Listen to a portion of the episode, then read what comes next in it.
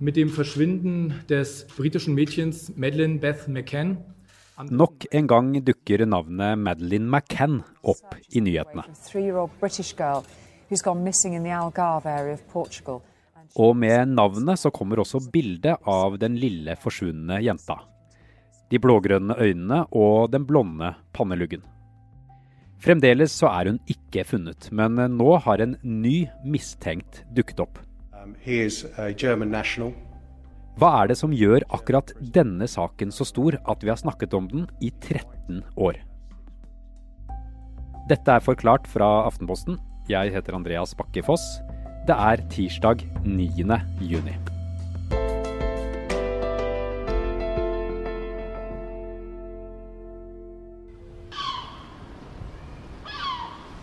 Torsdag den 3. mai i 2007 er familien McCann på ferie på Algarvekysten i Portugal.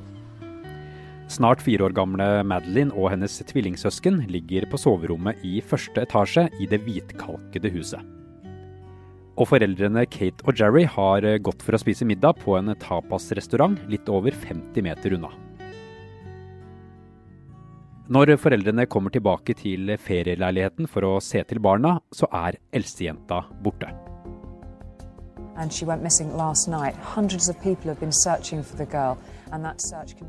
Morgenen etter fyller den britiske TV-kanalen Sky News sendingene med nyheten. Madeleine forsvant jo en torsdagskveld, men allerede utover fredagen så begynte meldingen om eh, forsvinningen å komme. Hilde Harbo var Aftenpostens eh, korrespondent i London da Madeline forsvant. Min første reaksjon var nok at dette var en trist sak, men at uh, et britisk barn som nettopp var blitt savna i Portugal, ikke var en sak som umiddelbart måtte rapporteres bredt om til norske lesere. Uh, de fleste barn som er forsvunnet, blir jo raskt funnet. Og dette var i mai 2007, og som journalist så var jeg nok mest opptatt av maktkampen mellom eh, statsminister Tony Blair og Gordon Brown, som var i ferd med å toppe seg. Men saken skulle bli den mest omtalte barneforsvinningen i moderne tid. For de britiske tabloidavisene og etter hvert også internasjonal presse kastet seg over saken. Portugisisk politi har én mistenkt etter at Letingen etter fire år gamle Madeleine McCain Det gikk jo ikke veldig mange dagene og ukene før eh, alle aviser og TV-sendinger mer eller mindre eh, ble tapetsert med denne saken. Altså Stemningen var oppheta. Hvor enn man eh, var, så møtte man dette troskyldige blikket til den eh, lille jenta. Hun så på oss fra avisstativene og fra TV-skjermene. Og det var den store snakkisen da folk uh, møttes. Hvor er det blitt av Madeline? Hva har skjedd med henne? Og sympatien for jenta og de fortvilte foreldrene var stor, spesielt i starten. Og etter hvert rapporterte også Hilde om saken hjem til de norske leserne av Aftenposten. Eh, ja, jeg skrev den første saken da det var gått noen dager og Madeline fortsatt ikke var funnet. Den handlet om foreldrenes bønn til kidnapperne om å ikke skade henne og slippe henne fri. Den eh, hadde fokus på den enorme pressedekningen, og også av eh, kritikken av portugisisk politi som tilsynelatende famla i blinde. Samtidig så tok jeg opp spørsmålene om medienes voldsomme interesse kunne ha sammenheng med at den forsvunne jenta var søt og blond og hvit, altså velegna som salgbart blikkfang, og at uh, daværende sjef for Metropolitan Police, sir Ian Blair, tidligere samme år hadde anklaga britiske medier for uh, rasisme. Uh, han pekte på at dekningen av et Drap på to eh, hvite jenter tidligere det året var overdimensjonert sammenlignet med den oppmerksomheten som blir eh, gitt til eh, minoritetsbriter som, som er drept.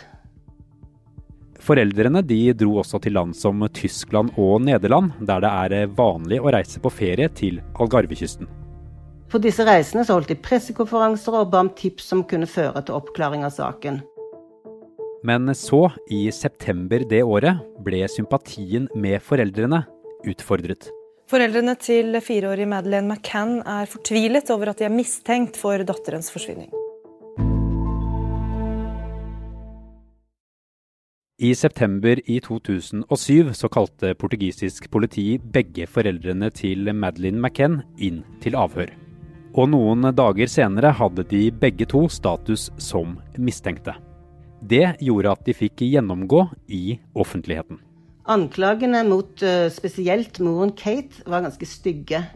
Uh, hun ble beskyldt for å ha vært forfattet, og at hun gråt for lite når hun kom med sine appeller om tips.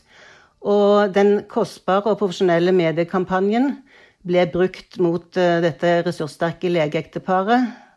Og de ble kritisert for å markedsføre sin egen tragedie. Så måten en kunne få inntrykk av den svinnende sympatien for, uh, for foreldrene uh, var bl.a. en meningsmåling i The Sunday Times i september som viste at halvparten av britene mente foreldrene kunne vært, eh, være involvert i forsvinningen. Og bare 20% mente at de var helt uskyldige. Hva gjorde foreldrene med det? Jo, nettopp fordi de var omgitt av dyktige advokater og rådgivere, så satte de i gang en motdefensiv i, eh, i mediene. Og de klarte langt på vei å plukke fra hverandre de angivelige bevisene mot foreldrene. Men skaden var allerede skjedd. Altså selv om eh, portugisisk politi hadde lite å bygge sin siktelse på, så var sympatien for foreldrene nå begrensa. De ble anklaget for å framstille seg som stjerner i en Hollywood-tåreperse, og var mest opptatt av å bevise sin egen uskyld. Foreldrene mener de er uskyldige, og til slutt måtte portugisisk politi trekke siktelsen mot foreldrene til Madeline. Og da begynte mediestormen å legge seg noe, selv om saken ikke ble glemt. Men eh, det var jo ikke mye å rapportere om, bortsett fra enkelte påstander fra folk som mente at de hadde sett Madeline i alt fra Amsterdam til Marokko, og noe som raskt da viste seg ikke å stemme. I dag er det over 13 år siden hun forsvant. Hun er fortsatt ikke funnet. Men i forrige uke kom det en ny oppsiktsvekkende omdreining i saken. Im Zusammenhang mit dem Verschwinden des dreijährigen britischen Mädchens Madeleine Beth McCann Påtalemyndigheten i Tyskland sier de nå mistenker en 43 år gammel tysk mann. Han sitter allerede i fengsel for andre forbrytelser, og nå mistenker politiet at han kan stå bak det de mener er et drap på McCann. Så de tror altså at hun er død. For etterforskerne i Storbritannia så er dette en stor omdreining i saken. Britisk politi har nå flyttet fokuset i etterforskningen mot den 43 år gamle tyske fangen. Um, Politiet mener denne mannen reiste rundt i Portugal i en gul og hvit campingbil, og at han var i området der treåringen forsvant. He's 43 now. Um, at the time he was 30. I 2017 ble mannen dømt for seksuelle overgrep mot barn og besittelse av overgrepsbilder av barn.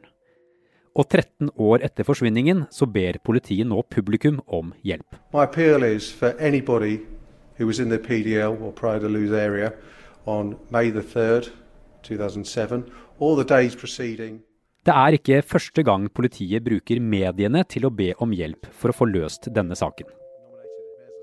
Per Anders Madsen er en tidligere kollega i Aftenposten. Da McCann forsvant våren 2007, så var han redaktør og kommentator. Han kaller oppmerksomheten denne saken fikk for helt enorm. Det var første førsteside på førsteside, front på front, massiv dekning inn i avisene. Både på papir og også da på nettavisene, som, som eh, jo var i full sving på den tiden.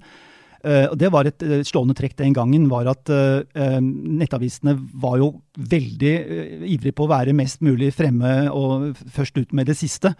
Uh, og Det betydde at alle mulige slags rykter om at Madeleine var blitt sett i Lisboa og i andre byer i Portugal, gikk jo rett ut på nett. ikke sant? Nå, nå blir det en rød bil forfulgt i Lisboa, for man mener man har sett Madeleine i den bilen. Altså Den type rykter uh, bidro til å gjøre dekningen helt uh, massiv denne første tiden. Per Anders sin jobb her i 2007, det var å skrive kommentarer. I sin første kommentar om McCann-forsvinningen kalte han saken en global besettelse. Altså Utgangspunktet uh, i den kommentaren husker jeg var at det, er jo ikke lidelse og uh, forferdeligheter i seg selv som skaper oppmerksomhet. Det er muligheter for å identifisere seg med eh, episoden med offeret. Og vi skal huske at hvor mange har ikke vært på ferie i disse områdene, fra Tyskland, fra Nederland, fra Skandinavia. Det var så veldig lett å leve seg inn i den, uh, i den uh, forferdelige hendelsen som Madeleines foreldre hadde, som da sto midt oppi. Så jeg tror nøkkelen for eh, denne enorme oppmerksomheten var identifikasjon. Det var lett å kjenne seg igjen? Lett å kjenne seg igjen, lett å leve seg inn i det som hadde skjedd. Husk at uh, hvis man bare ser på antall barn som blir borte uh, det, det, er jo 100 barn minst som blir borte i USA hvert eneste år. På, på globalt basis er det snakk om hundretusener. Det er ikke omfanget i seg selv som skaper oppmerksomhet, men det er muligheten for å identifisere seg med enkeltpersoner. Og det akkurat på det kriteriet slo denne saken eh, inn for fullt. 2007, det er altså 13 år siden. Og går vi så langt tilbake, så var det før både Facebook, Instagram og Twitter hadde gjort sine enorme inntog i folks verden. Men selv uten sosiale medier og den medieverden vi er vant med i dag, betydde internett enormt mye i denne saken. Fordi altså, Som en del av den kampanjen så brukte man jo internett helt aktivt. Ehm, det ble jo etablert en egen sånn Fine Madeleine-side, som skulle hele tiden være, eller var hele tiden oppdatert med det siste eh, nye, slik at alle som var interessert i saken, kunne gå inn der og liksom holde seg à jour hele tiden. Det fikk jo millioner av treff bare på noen uker. Og det andre var altså at politiet oppfordret til å Alle som hadde vært på ferie i dette området i ukene før Madeleine forsvant, ble jo da oppfordret til å laste inn sine feriebilder på en spesiell nettside i håp om at uh, man skulle kunne oppdage noe mistenkelig, da, skal få noen spor gjennom det. Så uh, internett spilte en nøkkelrolle egentlig på, på flere måter. Foreldrene til Madeline håper nå at saken endelig kan bli løst. Det sier familiens talsperson. They simply want to know what happened to their daughter.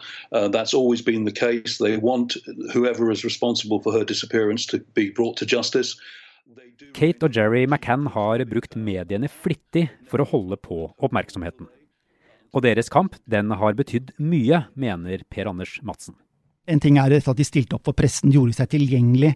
De var troende katolikker, så etter fire uker så fikk de jo audiens hos paven. ikke sant? Og som paven velsignet foto av Madeleine, og det var nye omdreininger. Det ble hele tiden nye elementer i den pressehistorien som bidrar til å holde dette like. Og der spilte jo foreldrene åpenbart en veldig viktig rolle. Han mener også at mangelen på informasjon ga saken størrelse. På den måten at et sånt mysterium bidrar jo til å holde alle muligheter åpne. Og det store, brede publikum, avisleserne, de som følger med på internett, kan projisere sine egne fantasier, egne tanker, egne håp inn i historien. Det er et stort åpent rom for hva som kan ha skjedd. Sånn at, øh, sånn at jeg tror at det bidro til å holde både interessen øh, oppe og bidro til å holde saken levende.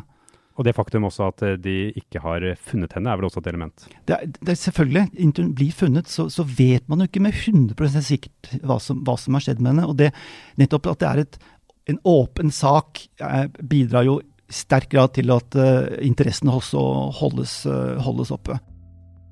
Familien McCann håper fortsatt datteren vil bli funnet i live. They do remain hopeful that she could still be found alive. They've never given up on that hope, nor will they, uh, until they are presented with any incontrovertible evidence to, to, to the contrary. They need to know, uh, as they need to find peace. And I think anybody with children, in fact, anybody at all, um, can understand that and, and relate to that.